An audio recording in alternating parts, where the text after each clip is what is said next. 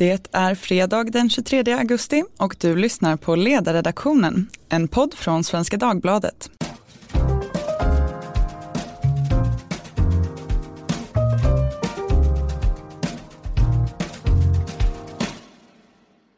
Jag heter Katarina Karkiainen och idag ska vi tala om svensk ekonomi. För igår så hade ju finansminister Magdalena Andersson sin presskonferens ute på Harpsund och presenterade regeringens och finansdepartementets ekonomiska analys inför den höstbudget som ska presenteras till riksdagen nu i september.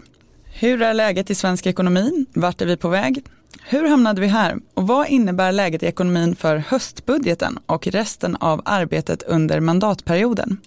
Det ska vi diskutera idag med Jakob Lundberg, chefekonom på tankesmedjan Timbro. Välkommen. Tack, tack. Kul att vara tillbaka. Niklas Wikman, skattepolitisk talesperson för Moderaterna. Välkommen. Tack så mycket. Och Tino Sanandaji, nationalekonom, debattör och författare. Välkommen. Tack. Ja, det lät ju inte helt hoppfullt på presskonferensen i Harpsund. Det var ganska långt från utsagan om att svensk ekonomi är urstark som det lät för två år sedan. Men samtidigt en ganska modest bild av nedgången. Vi går mot svagare ekonomisk utveckling men Sverige står väl rustat var väl kontentan. Håller ni med om finansministerns analys av läget eller är hon för optimistisk eller för pessimistisk? Men du säger att det var två år sedan.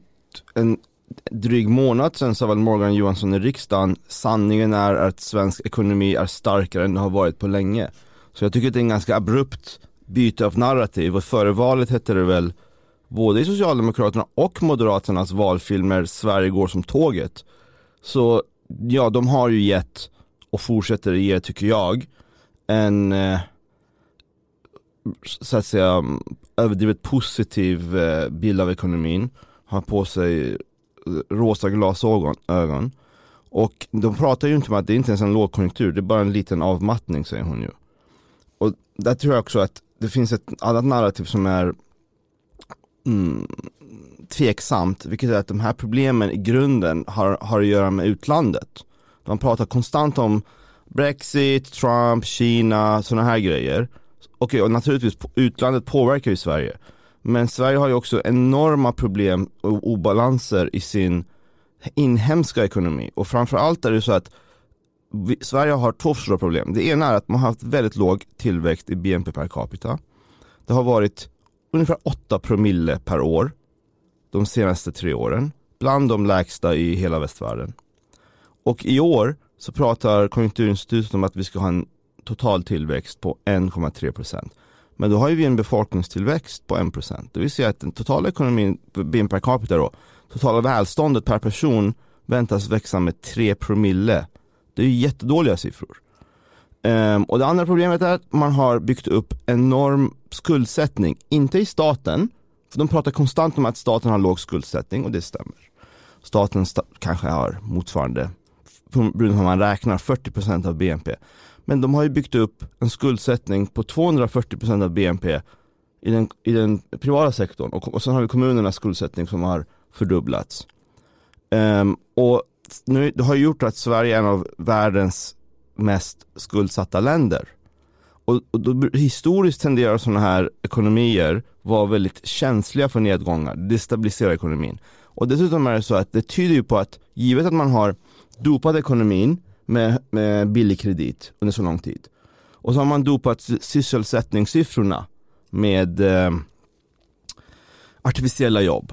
Så är ju en del av det som ser ut att vara styrkor i ekonomin på ytan egentligen bara en fasad. För, för då, då har, de har liksom köpt de här poängerna billigt och det kommer försvinna snabbt när det här, om det här slutar. Så jag tror att jag skulle vara mycket mer pessimistisk om att det här är inte bara en avmattning utan det här är början på en djup lågkonjunktur potentiellt.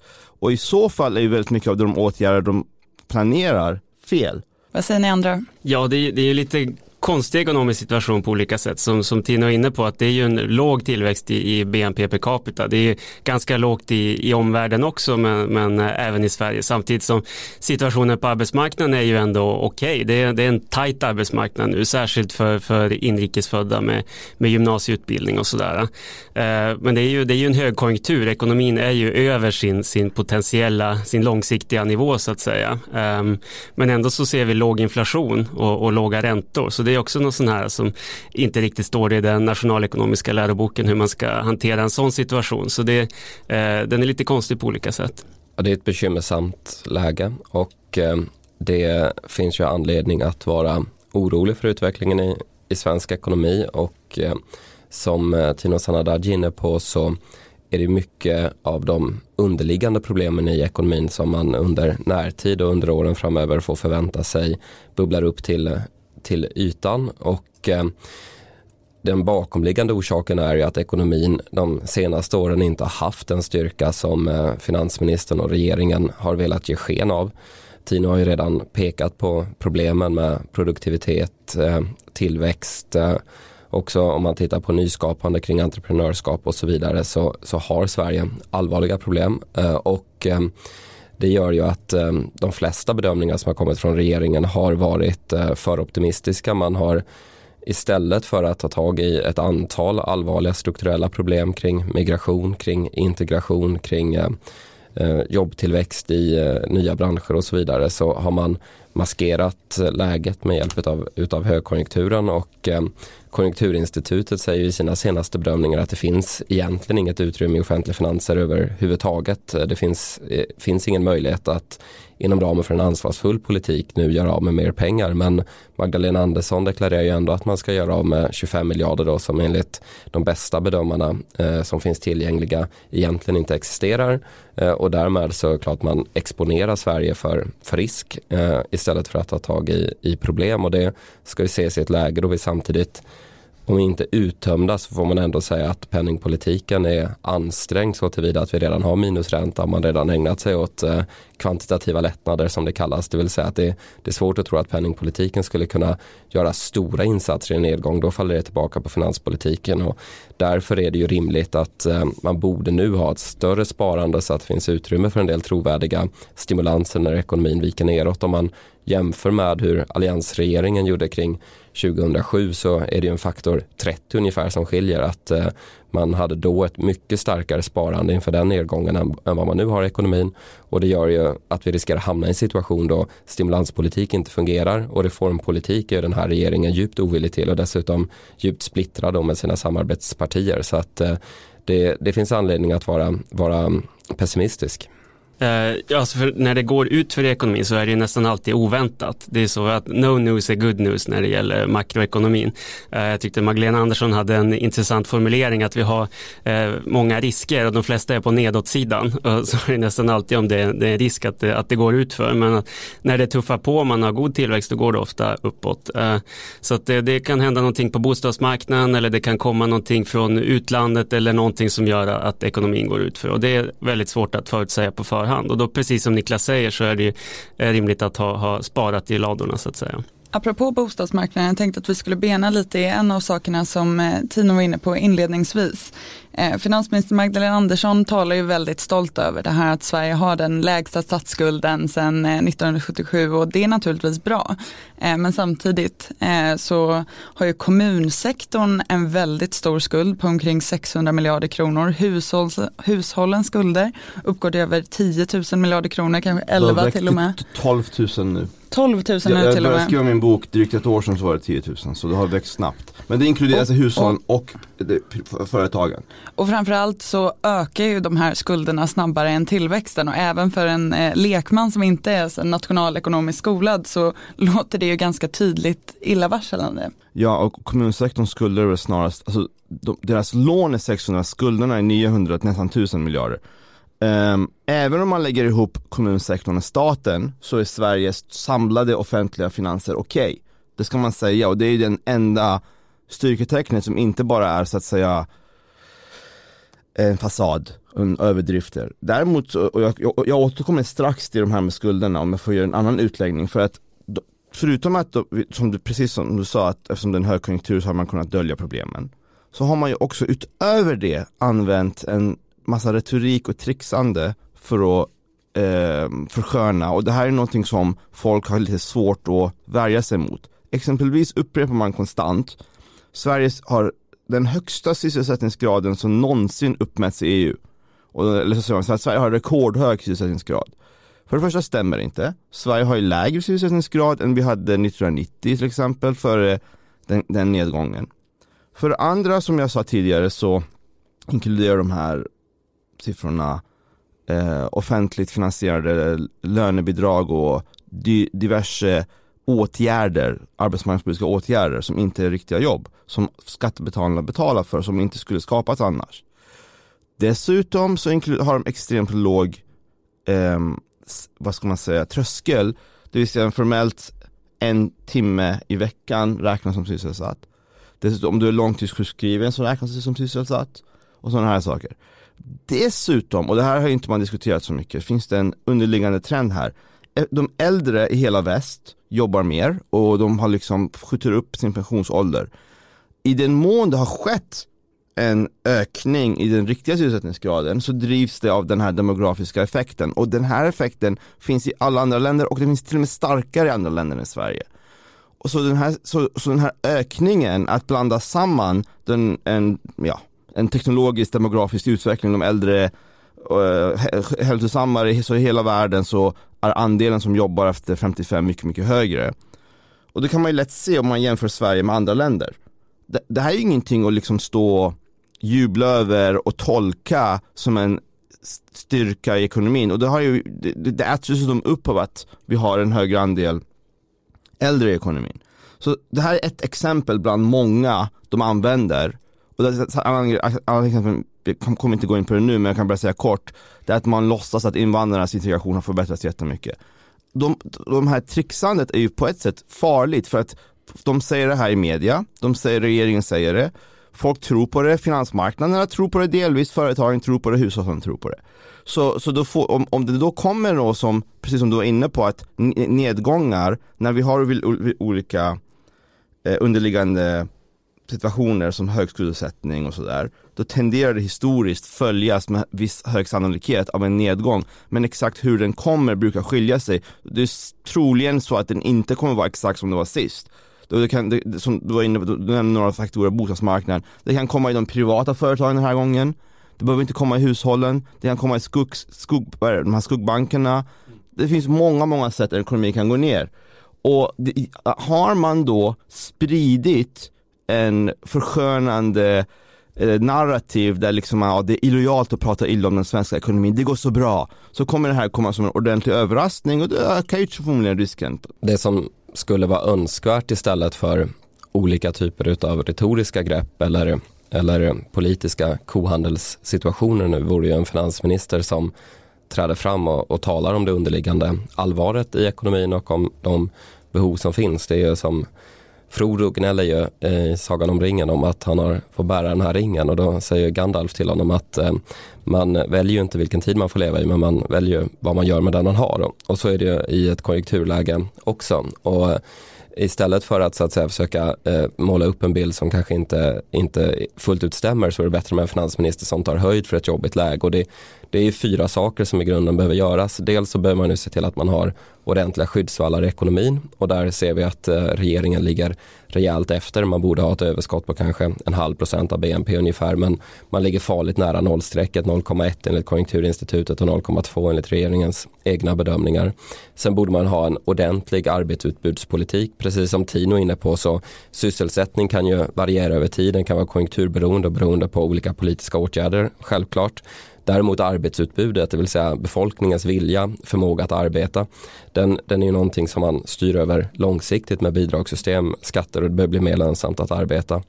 Och sen för det tredje så är det självklart så att vi behöver en ensidig prioritering på utgiftssidan kring det som mest brister kring polis, kring försvar, kring sjukvård, kring skola. Det finns inte tid för olika politiska experiment. Det finns definitivt egentligen inte pengar för dem. Eh, för dem. Och, och tyvärr ägnar sig regeringen åt en blandning av politiska experiment och arbetsutbudminskande åtgärder, till exempel då friår, eh, vilket, vilket är dåligt.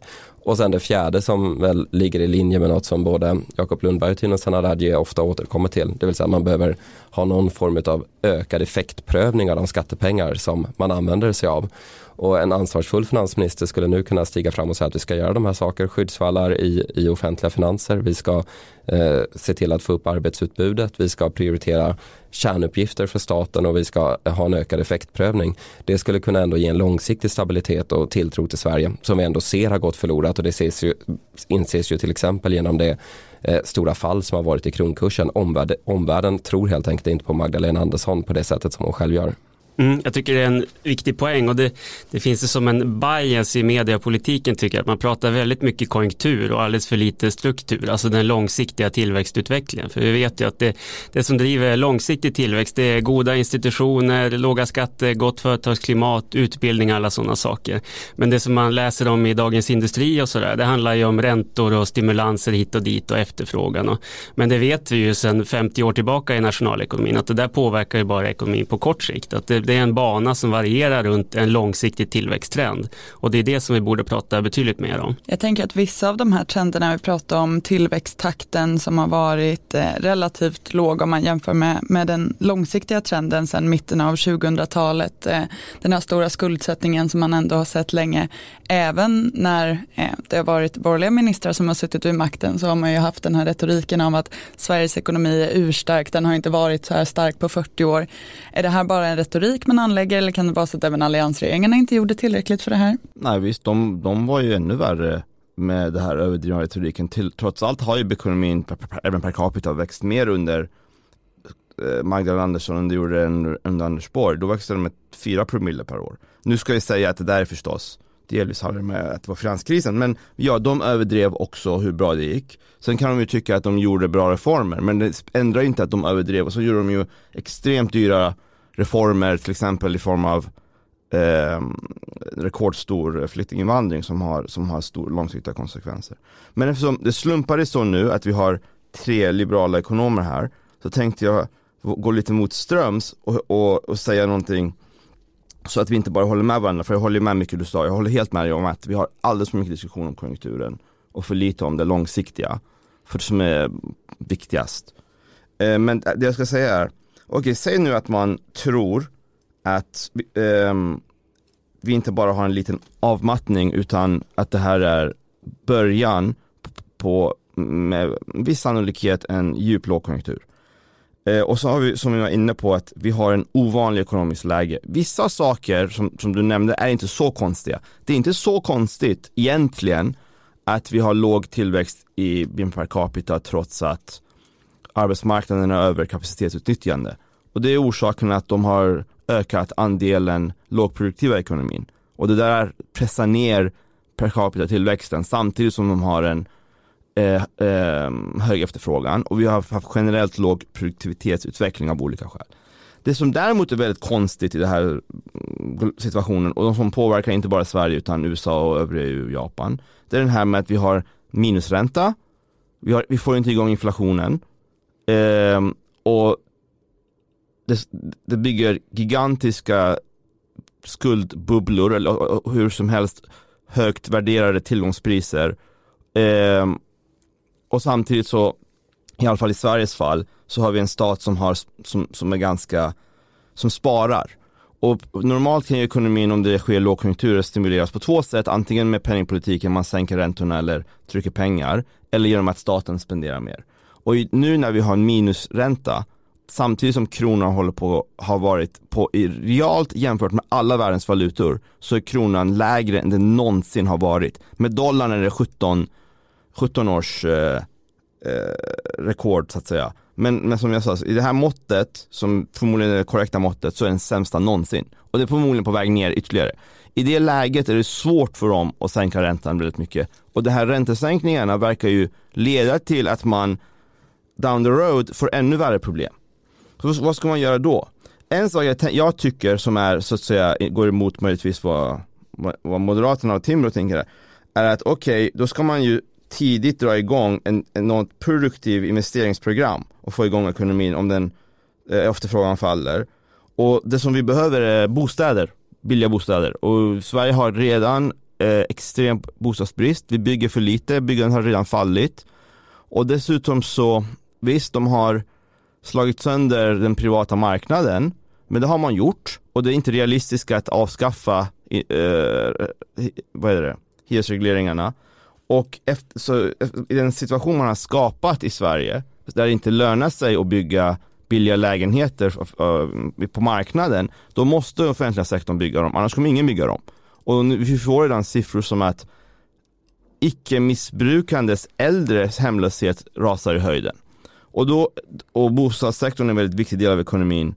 Eh, 10, 12, 13 procent eh, av BNP och den del som varierar mycket över konjunkturen och den mycket arbetskraft och den är produktiv. Om bygger man de här så kommer de finnas i 50 år. Då tycker jag att man, och samtidigt är det så att det tar lång tid att förbereda de här infrastrukturprojekten. För det är en färskvara, du måste, planeringen och, det, och det, därför används de sällan i konjunktur konjunkturnedgångar, för de hinner inte. Då kan vi nu dra igång och förbereda och bygga hundratals miljarder offentliga bostäder. Jag vill kasta in den här, dels för att jag tycker det och dels för att vi åtminstone får lite debatt. Det är Tinos rekommendation. Eh, Jakob, Niklas, om ni fick eh, önska något av regeringen, skulle det vara samma sak? Eh, nej, det skulle jag inte hävda, utan jag skulle säga att problemet på bostadsmarknaden är att den är överreglerad, inte bara hyresregleringen, utan det handlar om reglering av byggandet, att det blir betydligt svårare att få tillgång till mark till exempel. Så jag tror inte att ett nytt miljonprogram är är lösningen där. Eh, sen vill jag kommentera det här med, med, den låga tillväxten också. Det finns ju flera förklaringar till, till låg BNP per capita tillväxt i Sverige. Eh, en viss del är invandringen men det, det, kan inte förklara någon, någon jättestor del av det. En del är att reformerna har stannat av sedan 2010 ungefär efter alliansens första mandatperiod och det var mycket reformer. Sedan dess har det inte hänt sådär jättemycket. Eh, men en stor del är, är internationell, att det är ett internationellt fenomen. Att varför är produktivitetstillväxten så låg? Och det kan ju finnas par förklaringar till det. En tråkig förklaring är att den tekniska utvecklingen helt enkelt har, har saktat ner eh, och att eh, det finns inte lika mycket nya uppfinningar längre. En annan förklaring är att det kanske tar lite tid. När man pratar om det här på 80-talet när alla företag investerade i IT och sådär. Som jag sa, men var är produktivitetsökningen? Eh, men det kom ju den i slutet av 90-talet med väldigt hög produktivitetsökning i Sverige och USA och sådär. Eh, och det kanske kommer nu också efter det här med AI och, och cloud computing och det är jättemycket intressanta saker som händer. Men det verkar inte synas i tillväxtsiffrorna än. Men man kan ju hoppas att det kommer synas så småningom. Möjligtvis kan man komplettera Jakob Lundbergs resonemang med att eh, även i Magdalena Anderssons egna bilder så syns det att andra ekonomier lyckas bättre än den svenska med tillväxten. Så att även om det finns en sådan trend i den globala ekonomin så är Sverige sämre än andra länder på att ta, ta det tillvara. Som eh, politiker och beslutsfattare så måste man ju gräva där man står och vi är ju fortfarande och bedöms ju fortfarande in på nästa år vara i en högkonjunktur eh, om än i slutet på en sådan. Och, eh, det är klart att då vill det ju till att eh, samla kraft och muskler för att eh, möta det som väntar runt hörnet. Eh, sen ifall det blir en en mer normal lågkonjunktur eller som Tino Sanadaji spekulerar i om det kunde bli ett, antingen en långvarig eller kanske till och med ett krisförlopp. Det återstår, återstår ju att se. Men det som är tydligt givet det ekonomiska läget är att staten behöver trovärdighet att möta det. Eh, jag tycker inte att Sanadadjis tankegångar, även om man kan diskutera just bostadsbyggandet givetvis, är, är, helt främmande. För på något sätt behöver Sverige samla ihop sig för att kunna bedriva någon form, om vi ska kalla det strukturell keynesianism i en, i en, i, i en nedgång. Det vill säga att vi kommer behöva stimulera ekonomin men det behöver göras på ett sådant sätt som eh, också förbättrar våra långsiktiga tillväxtförutsättningar och, och löser ett antal av de allvarliga problem vi har. Så en ren stimulanspolitik kommer vi inte kunna använda oss av utan det behöver vara en kombination av saker som stimulerar ekonomin och gör att den strukturellt fungerar bättre. Och eh, eh jag håller med Tina Sanadaji att det borde en ansvarsfull regering ha förberett. Men det har man inte gjort utan nu är det istället eh, önskelister från, eh, från Centerpartiet och Liberalerna och Socialdemokraterna som ska kompromissas ihop i en statsbudget och det riskerar bli dyrköpt för Sverige. Det har det varit förut och det kommer det eh, med stor sannolikhet bli igen. Nu har det blivit dags att runda av och eh, om några timmar eh, när det sista arbetet för veckan är klart eh, så är det också faktiskt dags att ta helg. Har ni några roliga helgplaner? Jag kan ju börja med den mest förväntade och det är att jag ska bege mig till Skåne och hålla föredrag för moderater och medlemmar i Moderata ungdomsförbundet under helgen. Vad trevligt. Jag ska på ett bröllop med lite Iran-tema så det ska bli väldigt kul också. Spännande. Mm, jag ska ta hand om min katt. Åh. Ja, kattvakt. Vad härligt, det låter som tre bra helger. Själv ska jag tillbaka till mina kollegor nu och göra klart det sista med tidningsproduktionen och sen ägna helgen tillsammans med Fria Moderata Studentförbundet och säkert diskutera lite av det som vi har varit inne på idag. Stort tack till Niklas Wikman, Jakob Lundberg och Tino Sunandaji. Tack också till er som har lyssnat. Och som vanligt om ni har kommentarer, tankar eller idéer på ämnen till podcasten så får ni jättegärna höra av er till ledarsidan svd.se. Vi hörs på måndag, trevlig helg.